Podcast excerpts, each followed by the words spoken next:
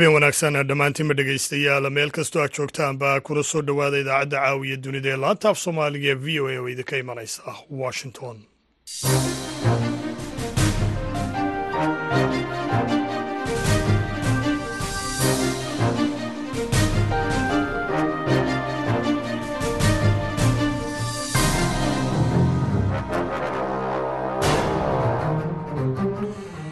waa fiidnimo arbacada taarikhduna ay tahay soddonka bisha augast ee sannadka laba kun iyo saddexiyo labaatan.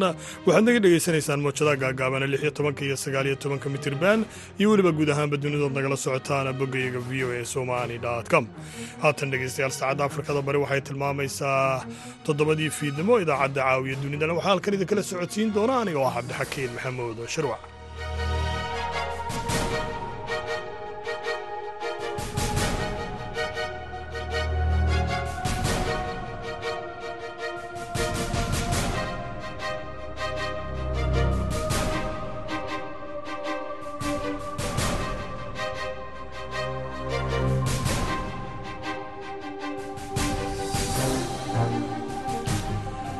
qodobada dhegeystayaal aad ku maqli doontaan idaacadda caawiya dunidana waxaa ka mid ah afgembi ka dhacay dalka gaboon ee ku yaalla bartamaha qaaradda afrika.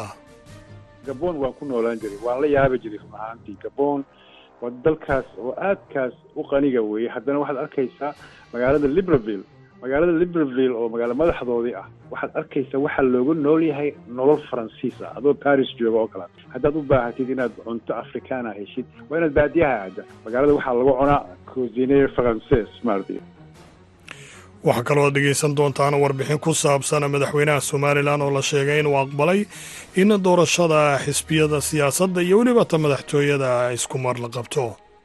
Wakhti dhow aanu insha allahu shir loo dhayahay oo madaxweynuhu qabto la isugu wada iman doono dadka stakeholderiska iyo dadka waayeelka salaadiinta cid wal oo reer somalilan ah oo arrintaasu ay khusayso ay isugu iman doonaan. Qodobadaasi weliba kuwo kaloo soomaalida iyo caalamkaba ku saabsan ayaad dhegaystayaal ku maqli doontaan intaan ku guda jirna idaacadda hase yeeshee marka hore ku soo dhowaada qodobadii wararka adduunka ugu waaweynaa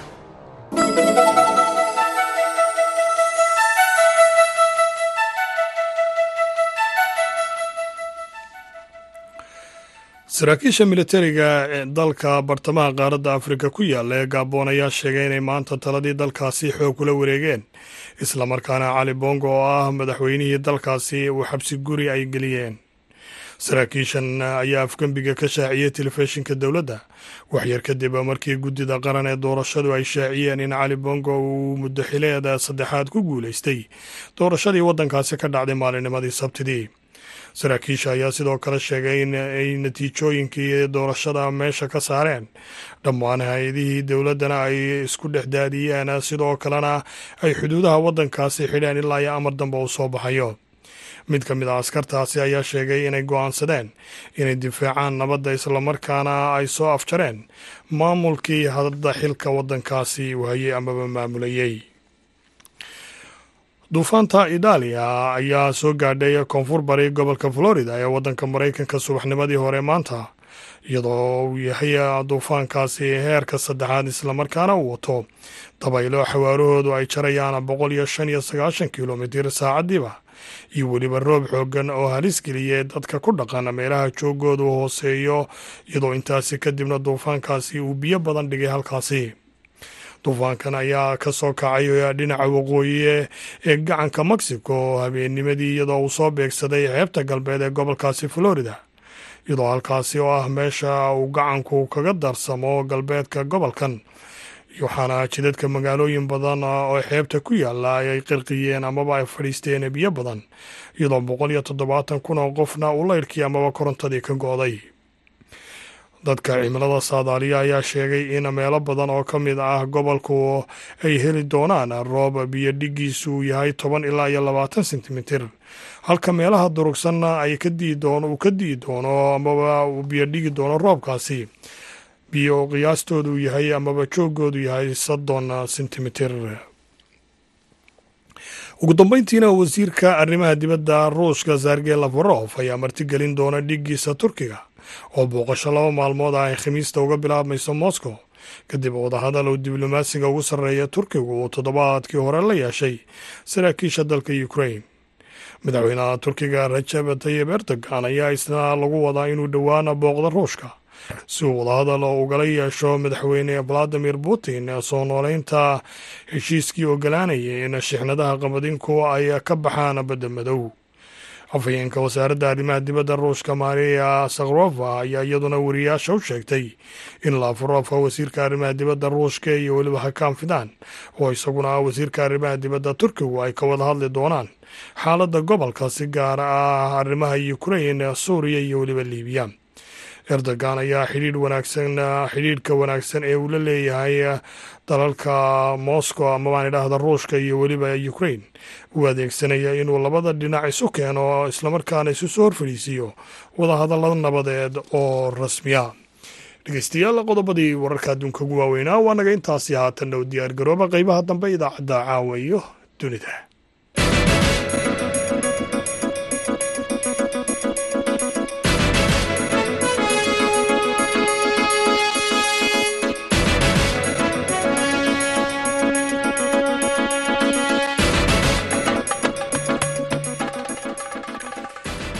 aan ku bilowno dhegaystayaal sidii warkaba aad ku maqlayseen saraakiisha militariga dalka gabon ayaa sheegay inay awooddii dalkaasi la wareegeen islamarkaana ay laaleen natiijadii doorashada. Sabtidii ka dhacday dalkaasi oo guddida doorashadu ay sheegeen inuu ku guulaysto madaxweyne cali bongo.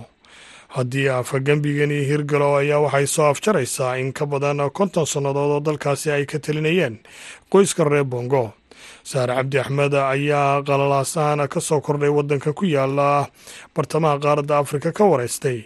Brofeser maxamed mukhtaar oo bare ama macallinka ah jaamacadda savana state university ee gobolka georgia. Gabon waa waa dal runtii dalalka africa ugu qanisan waaye. Wuxuu leeyahay yani dhaqaale oo isugu jira beero iyo maxaa macaadin ay ugu weyn yihiin petroolka yani waa xubin weyn asaasi ah ururkan loo yaqaano opec. Marka waa runtii dal aada iyo aada qani u ah. Wuxuu ahaa dal ay gumaysteen faransiiska marka ilaa gobonnimadiisii lixdameeyadii bay ahayd wixii ka dambeeyey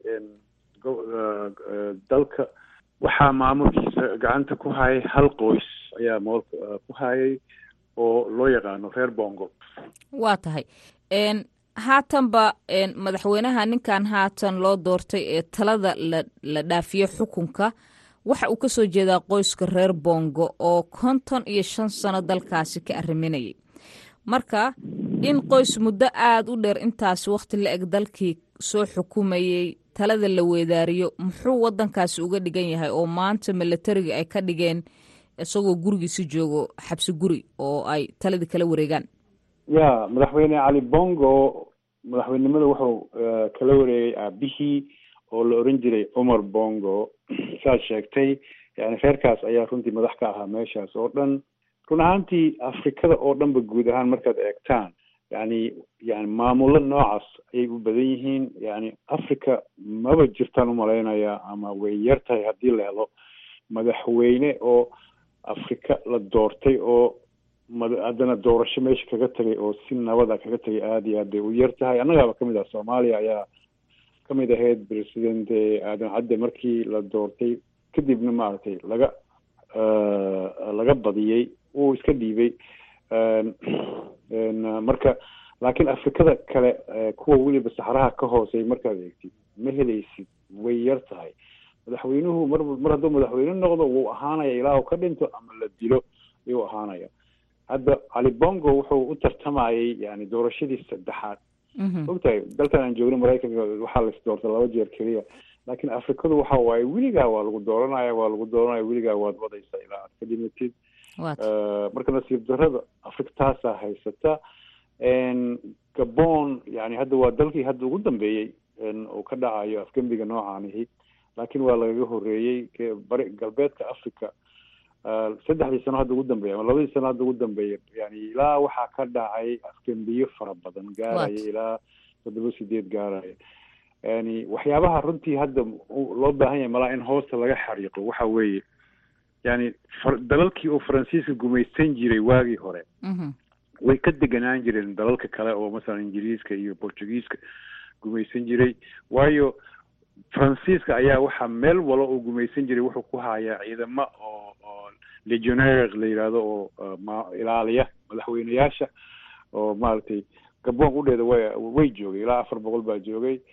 Marka waxaa runtii maanta loo baahan yahay in ba la eego maxay ku dhacday yani dalalkii faransiiska gumaysan jiray gidigood hadda yani gabon waxaa kaga horreeyay daraad niger faransiis bay ahayd mali baa kaga horreysay guinea baa jirtay isheeg burkina faso. Waxaasoo dhan waxay ahaayeen dalalkii faransiiska gumaysan jiray. Marka waxaad moodaa yani in siyaasa cusub nooc cusub maaragtay dalalkii gumaysaha faransiisku ay la yimaadeen oo ay rabaan inay mala waa sidaad sheegtay? waayahay sideed afgembi ayaa ka dhacay dalalkii faransiiska uu gumaysan jiray afrika ku yaalay niger oo xiisadeeda weli ay taagan tahay oo adduunkii maaragtay siyaabo kala gedisan uga falcelinayo ayay tan haatan gabon timid. Marka waxaasoo dhan marka laga soo tago shacabkii ama dalalkaasi dadka ku dhaqanaya muddada intaasi la eg madaxda sida madaxweynaha hadda gambiya gabon iyo qoyskiisa ay muddada u xukumayeen markii la fiiriyo. Saaka waa cusub ayaa u bariyey wadankaasi gabon konton iyo shan sano kadib marka maxay ka dhigan tahay dalkaasi maxay uga dhigan tahay haddaan si kale kuu weydiiyo. Dadweynaha gaboneyska ah runtii waxay la-yihiin ama waxay u hanqaltaagayaan had iyo jeer. Yani sidii ay ku heli lahaayeen dal nabada dal maxaa idhaha dhaqaalihiisii dhaqaalo fiican waataan idiin sheegay ku filan bay haystaan. Haddana waxaad arkaysaa yani shaqo la'aanta gaboniiska haysata maanta. Ilaa waxaa la sheegaya ilaa boqolkiiba afartan shaqo la'aan ba haysta waa wax lala yaabo. Lalama yaabay runtii marka afrikada o dhan waa sida. Afrikada oo dhan waa dalal oo qaniya weeye haddana dadkoodi way ka shaqo la-yihiin marka wax allaale wixii isbedela yani markay dhacaan yani dadweynuhu way way soo dhaweynayaan ma hubno ilaa hadda runtii say noqon doonto laakiin tii maalin dhaweyd ka dhacday niger ama mali ka dhacaysay waad arkayseen dadku inay mudaaharaadyo oo taageero ah ay ku sameynayeen qudheedii waa saasun baan filaynaa in ay shacabku ay taageeri doonaan ayuun baan qiyaasaynaa waayo yani waxay isleeyihiin malaha isbedelkani amay wax macno leh ka ka daba yimaadaan oo aad ka faa'iidaysataan bay isleeyihiin laga baxo yani waxaan xukunkan mucangaga ah oo hal reer hal qoys uu meesha maamulayo oo maxaan idhahdaa dhaqaalihiisii wixiisii oo dhan maxaan idhahdaa ay gacantooda ku jiraan aniga mukhtaar ahaan gabon gabon waan ku noolaan jiray waan la yaabi jiray run ahaantii. Gabon waa dalkaas oo aadkaas u qaniga weeye haddana waxaad arkaysaa magaalada libreville. Magaalada libreville oo magaalo madaxdoodii ah waxaad arkaysaa waxaa looga nool yahay nolol faransiis ah. Adoo paris jooga oo kala tahay haddaad u baahatid inaad cunto africana heshid waa inaad baadiyaha aada magaalada waxaa lagu cunaa isheeg cosiner frances maarata yani cunto faransiisa marka dadka dhibaatooyinkaasa ayaa haysta waxaan is leeyahay way soo dhaweynayaan shacabweynaha gaboniiska maaragtay askartan inay soo dhaweeyaan waxaan baan rajeynayna askaraha meelahan qabsanaya bal inay ka fikiraan inay maaragtay maaha keliya inaad dalkii aada la wareegtid keliya.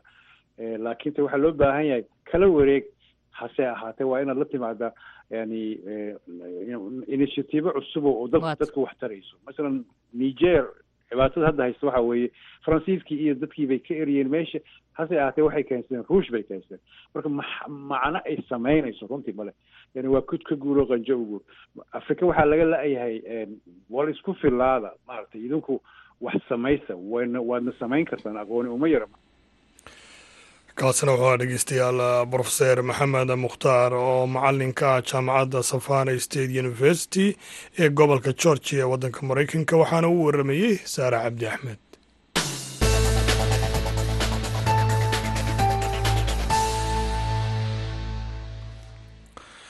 Madaxweynaha somalilan muuse biixi cabdi ayaa aqbalay soo jeedin ee ka timi erge dhexdhexaadin ka gashay murankii qabashada doorashooyinka somalilan sida laga soo xigtay ergada dhexdhexaadinta.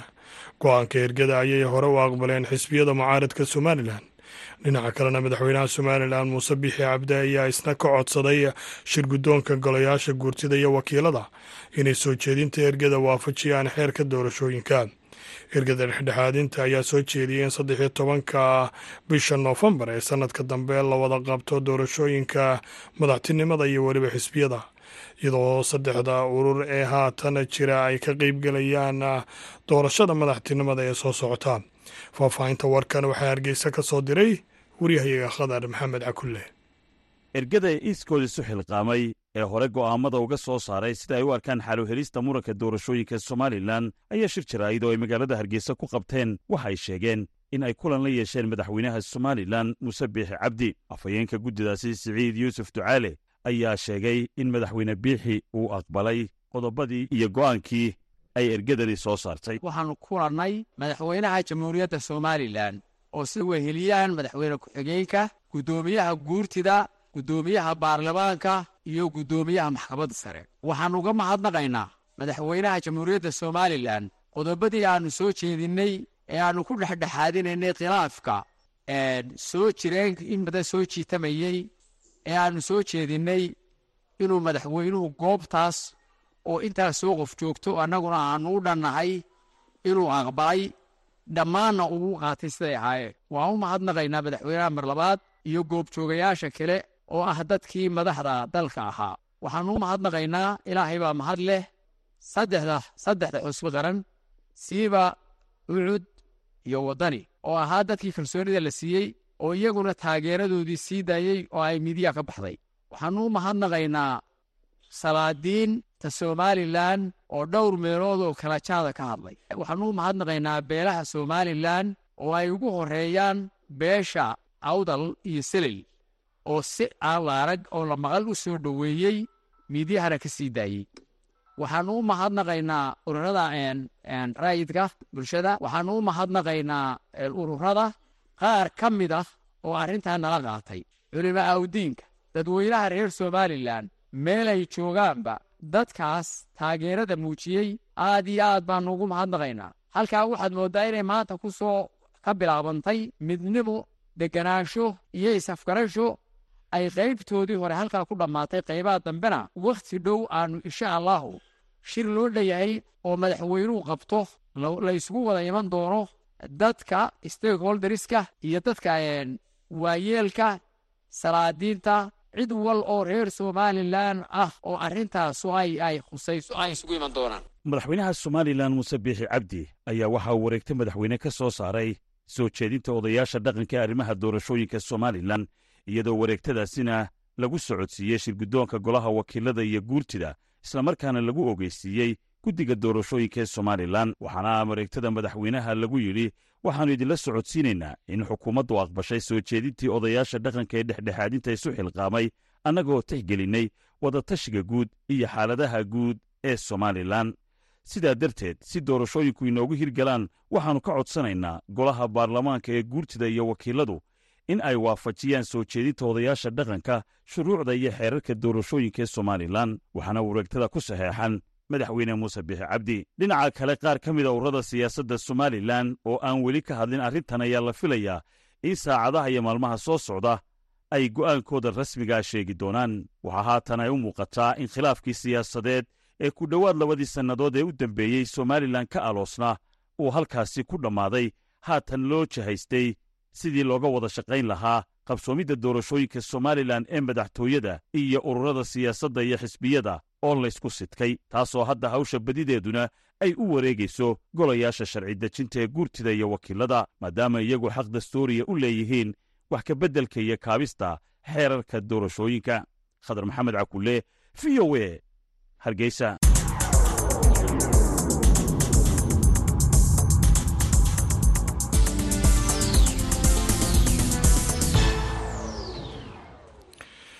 madaxweynaha soomaaliya xasan sheekh maxamuud ayaa ku adkaystay inaan la joojin doonin howlgallada militari ee ka dhanka ururka al-shabaab ilaa guusha kama dambaysta laga gaadho. Madaxweynaha ayaa hadlay shalay maalin uun kadib markii ciidamada dowladdu ay dib uga soo gurteen dhowr magaalo oo ay qabsadeen bilihii la soo dhaafay. Iyo weliba kadib weerarkii al-shabaab ay ku qabsadeen saldhigga ciidamada dowladda ee caws weyne. Warbixin faahfaahsan oo khudbadda madaxweynaha ku saabsan waxaa haya wariyahayaga cabdiwaaxid macalin isaaq. Madaxweynaha dowladda federaalk soomaaliya xasan sheekh maxamuud oo ku sugan magaalada dhuusamareeb ee xarunta dowlad goboleedka galmudug islamarkaana hormuud u ah dagaalka ka dhanka ah maleeshiyada al-shabaab ayaa shir jaraa-id uu ku qabtay dhuusamareeb kaga hadlay xaaladda dagaalka ka dhanka ah al-shabaab.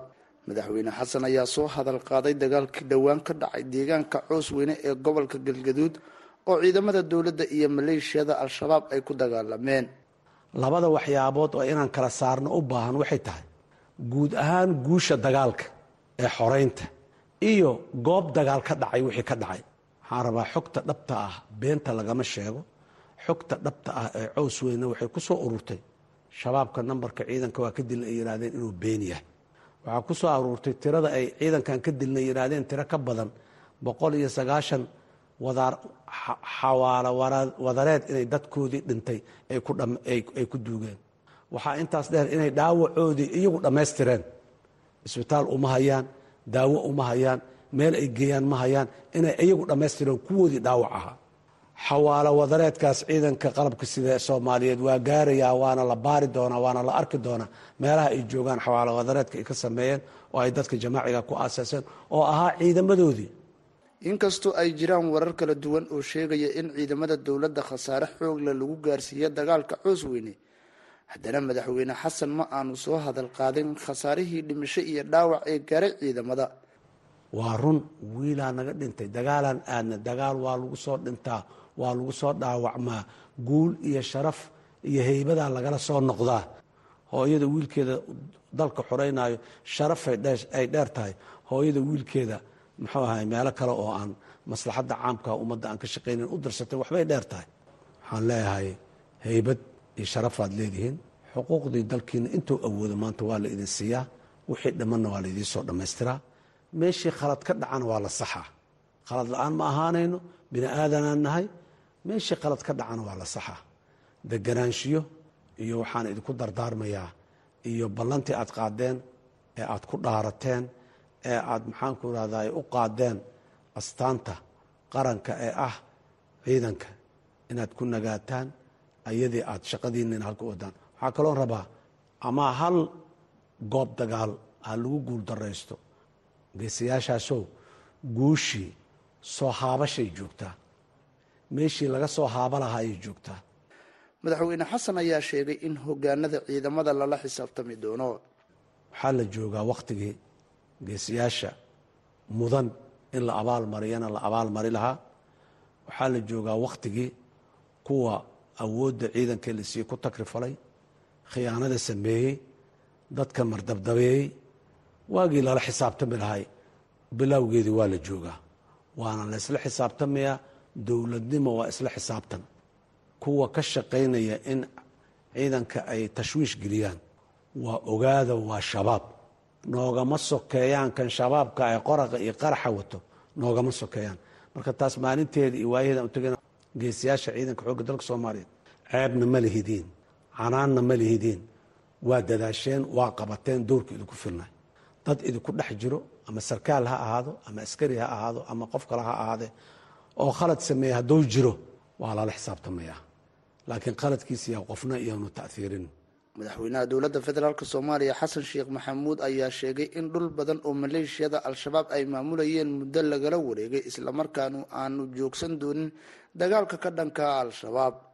Bal dib u eega maalintii laga soo bilaabay tuulada bacda xaashiley ee gobolka hiiraan iyo gaduud meelaha iska galaan ka mid ah isaga dhow yihiin.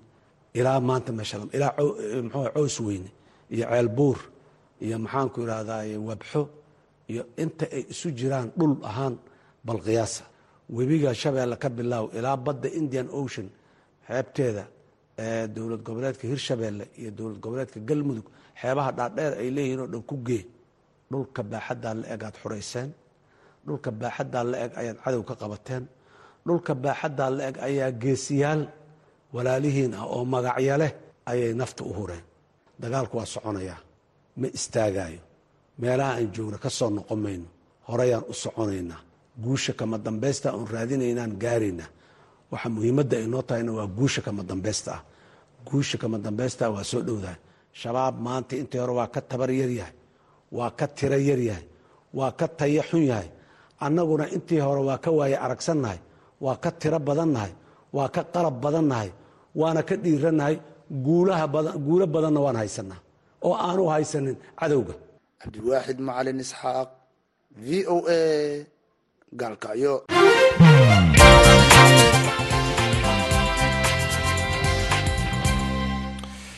waagaag dhegaystayaal warbixinno iyo weliba waraysyo kale ay noo soo socda oo aad ku maqli doontaan qeybaha dambe idaacadda. Hase yeeshee haatan aynu ku wada nasanno dhinacii kaalmaha heesaha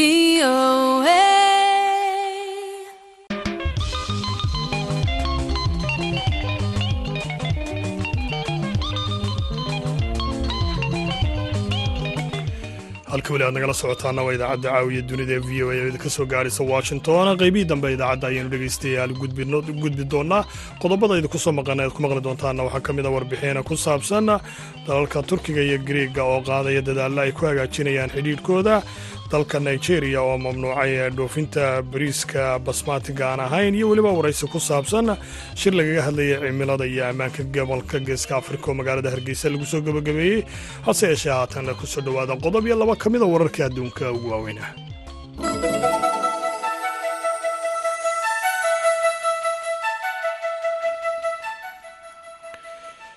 maxkamad ku taalla dalka bakistan ayaa maanta muddo afar iyo toban maalmooda ku dartay. Wakhtiga xabsiga lagu sii haynayay ra'iisul wasaarihii hore dalkaasi cimraan khan. Wakhtigaasi oo lagu baadhi doono eedeymaha la xidhiidha inuu dusiyey siraha qaranka. Sida uu sheegay qareenkiisu go'aankan ayaa imanaya maalinun kadib markii maxkamad kale ay meesha ka saartay amaba ay laashay xukunkii la xidhiidhay wax isdabamarin maxkamad gaar ah ayaa dhegaysiga dacwadda ku qabatay xabsiga otaag halkaas oo shantii bishan uu khaan ay uga bilaabantay xukun saddex sanno ah oo la xidhiidha dembi ah in uu si aan sharci ahayn ku iibiyey hadiyadaha dowladda. Maxkamadda sare ayaa xukunkaasi hakisay salaasadii iyadoo amartay in khaan lagu sii daayo damaanad. Balse waa laga hor istaagay inuu goobtaasi ama maxkamadda ka baxo maadaama uu weli u xidhan yahay kiisa faafinta rasmiga ah ee siraha dowladda dowladda ayaa ama dacwado kala duwan ayaa lagu soo oogay khaan oo haatan da-diisu ay tahay toddobaatan jir iyadoo uu isna u beeniyey inuu wax qalada sameeyey waxaana uu tilmaamay in eedahani ay yihiin kuwo siyaasadaysan ugu yaraan toban qof ayaa maanta lagu dilay magaalada gooma ee bariga jamhuuriyadda dimuqraadiga ah ee kongo kadib markii ay askartu isu dayeen inay joojiyaan mudaaharaad ay soo agaasintay amaba ay soo qabanqaabiyeen koox diimeed kaasoo ka dhan ahaa qaramada midoobay. Waxaana sidaasi sheegay qabanqaabiyaasha iyo weliba saraakiisha caafimaadka moleyka magane oo ka mid ah koox masiixiyiin ah oo banaanbaxaasi abaabulay ayaa sheegay in askarta kongo ay aroornimadii hore lix qof ku dileen xarun idaacad ah iyo weliba gooba lagu cibaadaysto ka hor inta aanu mudaharaad ku bilaabmin. Duqa magaalada gooma colonel fatin nabenda ayaa sidoo kale u sheegay wakaaladda wararka ee a f b in xubno ka tirsan koox diimeedkan ay nin booliis ah ku dileen halkaasi. Waxaana intaasi ku daray in ciidamada amnigu ay gubeen macbadkii kooxdaasi. Cisbitaalada ayaa iyaguna sheegay in saddex iyo soddon qof ay ku dhaawacmeen isku dhacaasi iyadoo saddex qof oo ka mid a dadkaasina ay dhaawicii soo gaadhay ay u dhinteen. Dhegeystayaal qodobadii wararka adduunka ugu waaweynaana waa naga intaa haatanna u diyaargarooba qaybaha dambe idaacadda caawa iyo dunida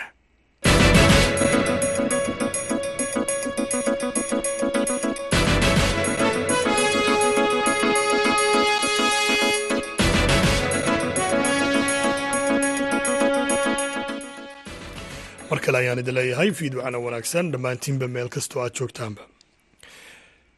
Bishii julaay ee dalka hindiya ayaa waxa uu mamnuucay dhoofinta bariiska aan baasmaatiga ahayn kaasoo qiimihiisu hoos ugu dhacay gudaha dalkaasi. Laakiin mamnuucyadaasi ayaa waxa ay dhibaato ku haysaa warshadaynta bariiska ee dalka nigeria. Alxasan baala ayaa warbixintan ka soo diray magaalada kano ee dalka nigeria.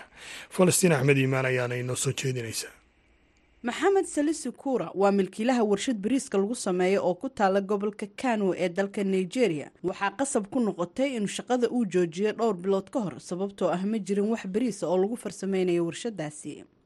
Marka loo eego maamulka ganacsiga caalamiga nigeria waxay ku xiran tahay soo dejinta ku dhowaad hal dhibic toddoba milyan mitrigtan oo bariis ah sanadkiiba si loo daboolo baahida gudaha. Sanadkii labadii kun iyo labaiyo labaatanka nigeria waxa ay bariis ka soo dejisay ugu horeyn hindiya sida ay sheegtay hay'ad cilmi baaris oo daraaseyn dhaqaale iyo kormeer samaysa. Bishii julaay hindiya waxay joojisay dhoofinta bariiska aan basmaatiga ahayn si qiimaha gudaha hoos loogu dhigo.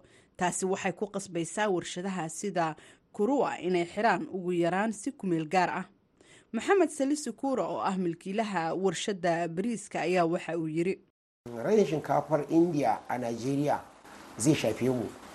domin in akwai kayan toki shi ya ci ta kayanmu. Kayanmu na cikin gida zai yi sauki sannan duk wani mai kamfani mamnuucidda bariiska hindiya ee dhoofinta nigeria waa ayna saamaysay joojinta dhoofintii bariiska hindiya ayaa horseeday inuu yaraado bariiska gudaha laga beero kuma filna tirada warshadaha bariiska taasoo keentay in qiimaha bariiska aan la shiidin uu sare u kaco babu wata kishiyar shinkafa sai kayanmu na cikin gida. Kayanmu na cikin gida ba zai ishe mu ba sida laga soo xigtay qaramada midoobey nigeria waa dalka ugu badan ee soo saara bariiska afrika. Bangiga dhexe ee nigeriana waxa uu sheegay in awoodda waxshiidka ee dalka ay hoos u dhacday saddex boqol iyo konton kun oo metrik tan sannadkii labadii kun iyo shan iyo tobanka ilaa iyo saddex milyan oo metrik tan sannadkii labadii kun iyo labaiyo labaatanka. Maxamed usaani oo ah xiriiryaha mashruuca gaarka ee ururka beeraleyda bariiska nigeria waxa uu sheegay in ilaa iyo konton warshadood oo bariiska soo saara dhowaan laga xiray kano oo ay ka mid tahay gobollada ugu waaweyn ee markaasi laga soo saaro bariiska nigeria. Wannan ya shafa. Ba don komai ba kasar mu har yanzu ni a tunanin na maqnaashaha bariiska hindiya xidhitaanka xadka nigeria ay la leedahay jamhuuriyadda niger sababtaa cunaqabataynta iyo beeralayda oo aan awoodin inay beerahooda ka shaqaystaan sababtoo ahaa budhcadda halkaasi ka jirta ayaa si adag u saamaysay warshadaha bariiska. Hadda ayuu sheegay inaanay isquudin karin qaran ahaan. Waxa uu sheegay inay waajib tahay in ay soo dhoofsadaan. Hay'adda cunnada adduunka w f p ayaa sheegtay in in ka badan labaatan iyo shan milyan oo reer nigeria ah ay halis ugu jiraan inay soo wajahdo gaajo ba'an. Sanadka laba kun iyo labaatan iyo saddex gaajada ayaa saameysay dadka sida mucaso cabdallah oo ah nin qoys ah oo ku nool gobolka kano. Ko kwanan mutum. Cikin makabarta an gama riya yarinya wajen ya ce wallahi ba abin da ya kashe wannan yarinya sai yunwa nin dhowaan deegaanka horto inantiisa lagu aasay qubuuraha ayaa soo istaagay islamarkaana sheegay inay gaajo u dhimatay gabadhiisu. Arrimuhu way sii xumaanayaan ayaa uu yidhi. Waxaana sabab u ah dadka oo aan awoodin in ay cunto iibsadaan. Duulaanka ruushka ee ukrain oo ka mida kuwa ugu badan ee soo saara sarreenka ayaa sidoo kale halis geliyay helitaanka galley ku filan oo ay wax ku soo saaraan xitaa ka hor inta aysan hindiya mamnuucin dhoofinta bariiska bishii julaay dowladda nigeria waxay ku dhawaaqday xaalad deg deg ah oo cunno ah iyadoo sicir barar badan uu hareeyay qiimaha cunnada. Aad iyo aad ayay dhegeystayaal u mahadsantahay falastiin axmed iimaan oo inala socodsiinaysay warbixintaas oo uu diyaariyey alxasan baala halka weli aad nagala socotaana waa v o a ka soo gaadhaysa washington. Haatanna dhinaca iyo turkiga aynu u kacno dalalka griiga iyo turkiga ayaa oo xifaaltan siyaasadeed oo taariikhi ah muddaa ka dhexeeyey ayaa kor u qaadaya dadaalada lagu hagaajinayo xidhiidhkooda kadib markii hogaamiyaasha labada dal ay waajaheen doorasho xoogan sanadkan. Toddobaadka soo socda ayaa wasiirka arrimaha dibadda turkiga iyo weliba wasiirka arrimaha dibadda ee griig oo lagu wadaa in ay ku kulmaan dalka turkiga laakiin falanqeeyaasha ayaa ka digaya caqabadaha la taaban karo ee weli u dhexeeya labadan dal ee jaarka. Dorian jones ayaa warbixintan ka soo diray magaalada istanbul. Caashe ibraahim aadan ayaana inoo haysa. Wasiirka arrimaha dibadda ee griiga ayaa lagu wadaa in uu la kulmo dhigiisa dalka turkiga shanta bisha sebtembar taasoo ah dadaalkii ugu dambeeyey ee isu soo dhowaanshiyaha ee u dhexeeya labadan dhinac ee uu ka dhexeeyey xafiltanka taariikhiga ah dadka wax falanqeeya ayaa sheegaya in ra'iisul wasaaraha dalka griiga uu ku guulaystay doorashadii ugu weyneed ee bishii juun taasoo u oggolaanaysa in uu gaaro yoolkiisa fog ee isu soo dhowaanshiyaha. Alexis heraklis waxa uu ka tirsan yahay jaamacadda athenis ee bantion ee magaalada athenis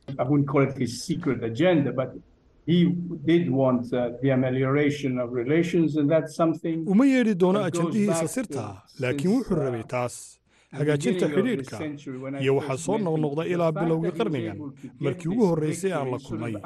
xaqiiqda ah inuu awooday inuu helo guushan oo gacmaha ka furtay. markii hore wuu garbaduubnaa waxaanu la jeedaa wuxuu lahaa dabacsanaan yar. Mar haddii wasiirkiisii arrimaha dibadda madaxiisii ciidanka iyo kuwo kaleba ay aad ugu aad adag yihiin. Mitsotakis waxa uu adeegsaday shaqadii loo igmaday si uu u bedelo wasiirkii arrimaha dibadda nikos dendias.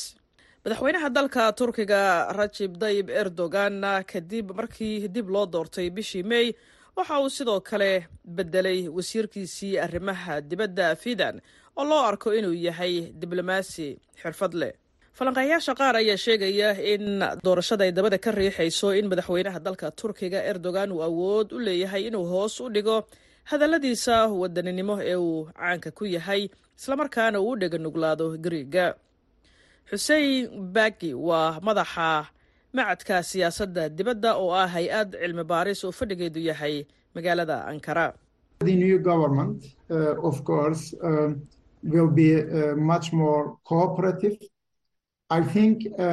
dowladda cusub ee turkigu dabcan waxay noqon doontaa mid aad u wada shaqayn badan. waxaan qabaa in arrimaha aan la xallin karin ay sii socon doonaan. laakiin hadalhayntu aad ayay gaabis u sii noqon doontaa. Dhaandhaqaaqa hoosu dhigista hadallada. Badda ajiyan iyo mediteraneanka ayaa weli waxay bartilmaameed u yihiin ciidamada badda ee griiga iyo turkiga iyada oo labada dal ay raadinayaan wax la rumaysan yahay inuu yahay kayd tamar badan oo ku jira biyaha lagu muransan yahay. Islamar ahaantaana jasiiradda qubrus oo u kala qaybsan bulshooyinka qubrus ee griiga iyo turkiga waxay sii ahaanaysaa meel laga yaabo inay xiisad ka abuurto. Falanqeeyaasha ayaa sheegaya in xiriirka labada dal oo horumaray ay meesha ka saari karto caqabada hortaagan iibinta diyaaradaha dagaalka maraykanka ee turkiga. Iibka qayb ayaa dib u dhacay. Walaaca washington ee xiisadda u dhexaysa labada xulafada neto awgeed. Aya barwela waa falanqeeye amniga ee mediteraneanka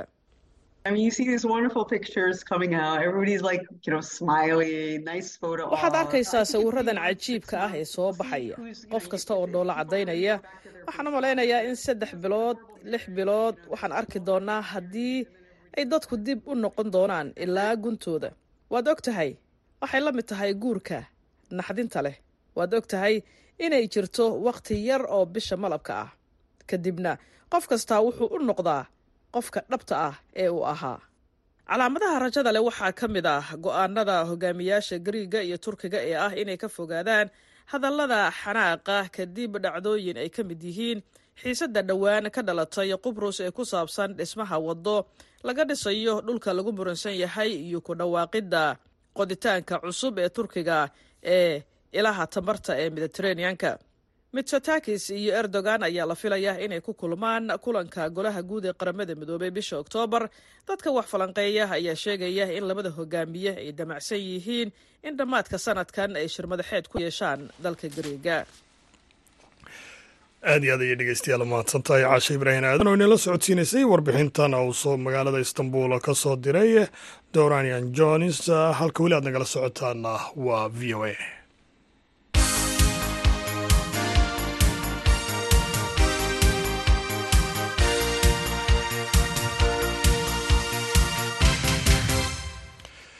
haatana dhegeystayaal ku soo dhowaada xubintii dooda gaaban oo inoo hayo xasan kaafi iyo qoyste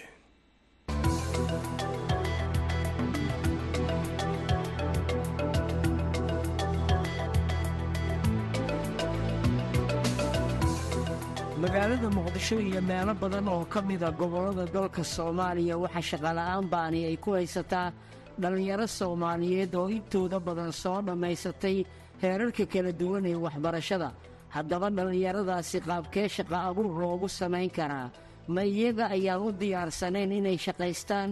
Mise dowladda dhexe iyo maamul goboleedyada dalka ayaa gabay kaalintii dhallintaasi kaga aadanayd. Waa mowduuca aynu ku gorfaynayno xubinta dooda gaaban ee maanta waxaana ka doodaya cabdifataax ibraahim casharo iyo cabbaas cali nuur oo labaduba ka mida dhallinyarada aqoon-yahanada ee ku sugan magaalada muqdisho. Waxaana hadalka ku horeynaya dhalinyarada soomaaliyeed waxaa shaqa abuur loogu samayn karaa aan isleeya aniga in qayb lixaad le ka qaadato dowladda federaalk ee soomaaliya. Dowladda federaalk ayadaa laga rabaa inay dhallinyarada jiheyso. Xirfado kala duwanna dhallinyarada lagu jiheeyo.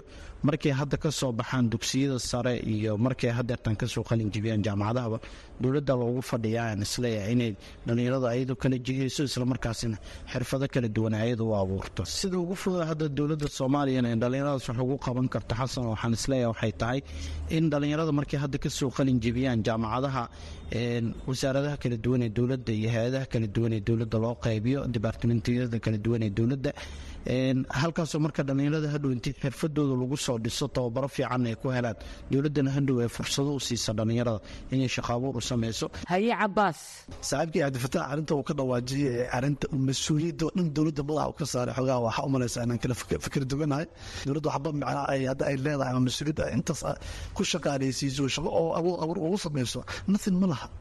Awooddaas ma laha. Laakiin in la gaarsiiya la rabay dhallinyaradii ayay gaarsiiyaan. Tusaale cad muqdishoan joognaa waxaa laga shaqeeya ugu badan waxa ay tahay dhalinyarada ay ka shaqeeyaan bajaaj maalintii wuxuu soo hareeyaa qofka shan iyo toban doolar toban doolar lacag. Soddon maalmo toban doolar lacag ku dhufo qofka markuu dhalinyara ugu yaraan oo meesha ugu yaraan ka hadlaya kuwa intaas ku fikiray waa maasan yihiin qof walba dhalinyara wuxuu aaminsan yahay markuu wax soo baxa adeerkiisa inuu xildhibaan yahay ama wasiir uu leeyahay shaqa la geen karo.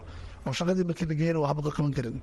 Laakiin wadankan waxaa badbaadin kara oo aan leeyahay waxay tahay in la helo tiim dhalinyaro ah dadka iyo dalkaba u shaqeysa naftoodana horumaraya waxaan aaminsanahay toban qofood isku helan haddii la heli lahaa investment in la siiyo aaday u fududooneed hay'adaha qaarkood waxay bixiyaan mashruuc la yidhaahdo microbalance. Qofka fikir la yimaado lagu horumarinayo oo lagu dhiirigelinayo waxaa jiro shirkado ka shaqeeya ama hay'ada ka shaqeeya fangareey oo maalgeliya dhalinyarada hal abuurka leh. Waxaa loo sameeyaa duumin baa loo sameeyaa. Doominkaas waxaa loo talagelaya shabaag baa loo sameeyaa. Motooraa loo saaraa talaagad baa la siiyaa baawar baa la siiyaa. Adduunku waa isku day. Waxaan leeyahay dhalinyarada ayaga ha isku tashtaan cidnayaysan khaladka ayaga ay leeyihiin cidnayaysan saarin muddada ha ka kacaan cabdi maxaad ku sababeynaysaa in dowladda dhexe iyo maamul goboleedyada ay gabeen kaalintii kaga aadaneyd inay dhallinyarada shaqo abuur u sameeyaan waxaan ku sababana xasan waxaad moodaa haddaan indhaha la istiraynin dowladda skiiliskan uu saaxiibkayga hadda ka hadlayo xirfadaha uu leeyahay dhallinyar inay ka faa'iidaystaan sida beerihii oo kaleeto kalluunka inay soo saartaan oo kaleeto.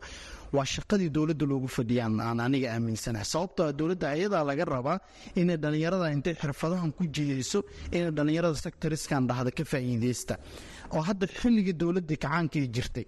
Waxa ugu badan dadkay ka faa'iidaysan jireen beerahay ahayn beeraha dadka intay iskooda ayaga isku xilqaameen si iskooda ugumaysan faa'iidaysanayn dowladdia waxay bartay dadka inay ahmiyad weyn leedahay beeraha.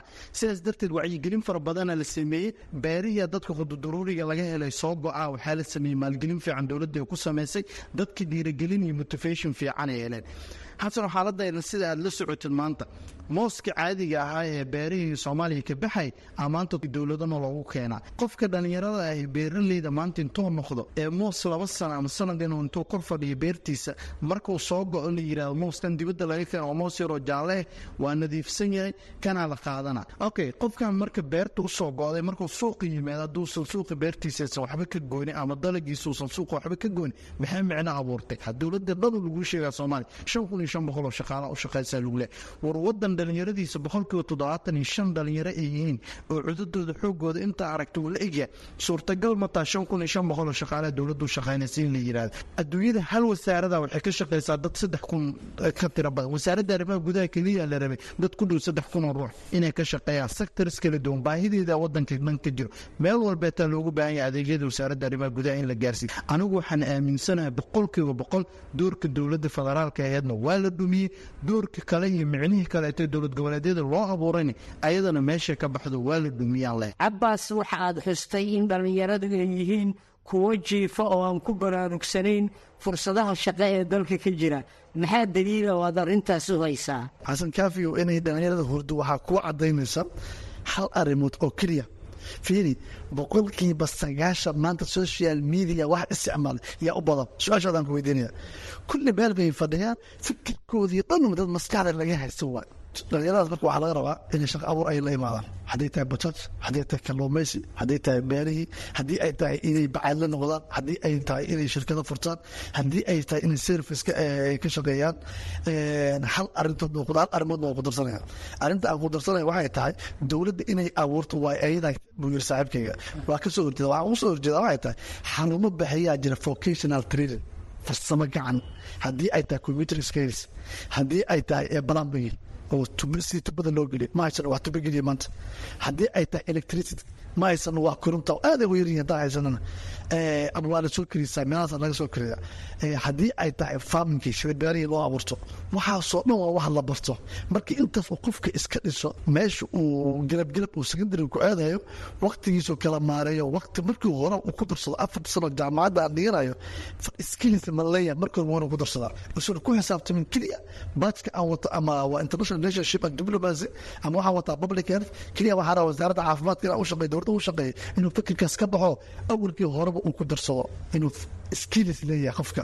Marka dhalinyarada waxaa rabnaa inay jiifka ka toosaan fursado waxaa yaalla magaalkan adduunka oolin waxaynu joognaa gebagabadii dooda xalku muxuu yahay aan ku horeeyo cabdifitaax xalku wuxuu yahay xasanow in dowladda macaahidii hore ee tobabarada ee dadka lagu tababari jiray sida kii managementiga ahaayo sitam iyo macadka kaleeto xirfadaha horumarinta gacanta oo kaleeto. In dowladda intii macaahidii hore dib loo soo cusbooneysiiyo boorka loogu jafo dhalinyarta fursado loo siiyo in la yidhaahdo imaada macaahidda dhalinyarada skilskooda la dhiso xirfadooda la dhiso tobabaro loo sameeyo kadibna dowladda ee dhalinyarada xuduudooda ay ka faa'iidaysato. Dowladda iyadaa loogu fadhiya iyadaa canshuurta qaadata dalkan ayadaa laga rabaa barsentajka ugu badan dalkan inay shaqaaleysiiso haye cabaas haddii aan ka siiyo dhinacaaga maxaad ka soo gabagabaynaysaa oo xalku ku jiraa xalku wuxuu ku jiraa waxaa loo baahan yahay dhalinyara soomaaliya inaysan ka faanin shaqooyinka yaryarka hoos laga soo bilaabo bays siriyaan baa imaaday wadankii yemaniyaan baa imaaday magaaladii shaqooyinkii aan ka faani jirnay maqaayadii magar magaranaysa maqaayadii heblaaya ugu shidan le ayadaa borsada ugu fiican samayso wixii aan ka faani jirnay suuriya ayay noo keenay. Maanta bilyaneer waayo ayaa dabaqaya magaalada ku leh shalay yimaadeen kuweenina meeshaan ay fafadhiyaan. Maqaayad bay fadhiisanayaan. Toban qof toban shaaha la shubanaya tobankaas shaaha siyaasi hebel muxuu yidhi hebel hebel maa ku dhegan marka waxaan ku soo gabagabaynaa qof walbo dhalinyaro codkayga maqlayo inuu fadhiga ka kaco khayraadka wadankiisa ku jiro. Khayraadka asaga ilaahay siiyo awooddiisa la geliyey fikirkiisa saliimka ah aqoontiisa inuu sarrifo. Intaasaynu dhegaystayaal ku soo koobaynaa xubinta dooda gaaban ee maanta oo igala qayb galeen cabdifataax ibraahim casharo iyo cabaas cali nuur oo labaduba ka mid ah aqoon-yahanada soomaaliyeed ee ku sugan magaalada muqdisho. Tan iyo kulanti dambe waxaannu idinkaga tegaynaa sidaa iyo nabadgelyo.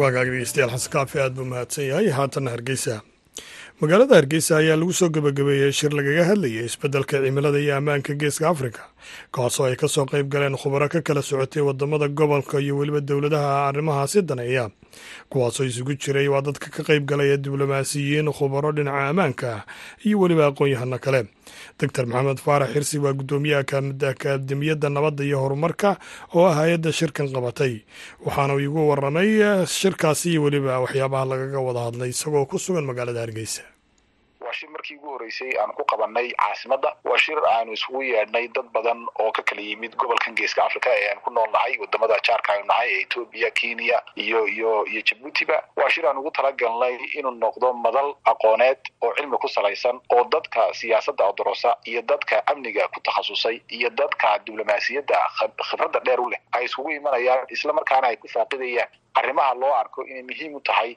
isku xidhka wada noolaanshaha iyo amniga guud ahaan madaqadan aan ku nool nahay geeska africa bal haddii aad mawduucyada aynu dul istaagno maxaa laga hadlay amaba aada isla falanqayseen oo shirkaasi lagaga dooday ama lagaga hadlay?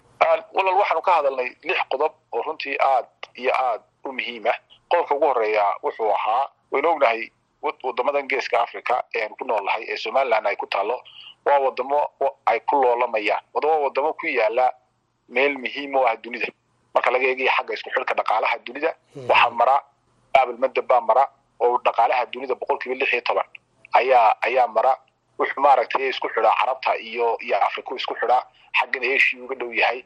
Marka madaqadaynu ku noolnahay waa madaqada loogu tilmaamay ama lagu magacdaray inay tahay geostrategic valuena leedahay. Macnihii in meesha ay ku taallaa weyn u leedahay waddamada isku haya ama ku loolamaya awoodda dunida oo ah reer galbeedka iyo waddamada reer bariga ee china hogaaminayo.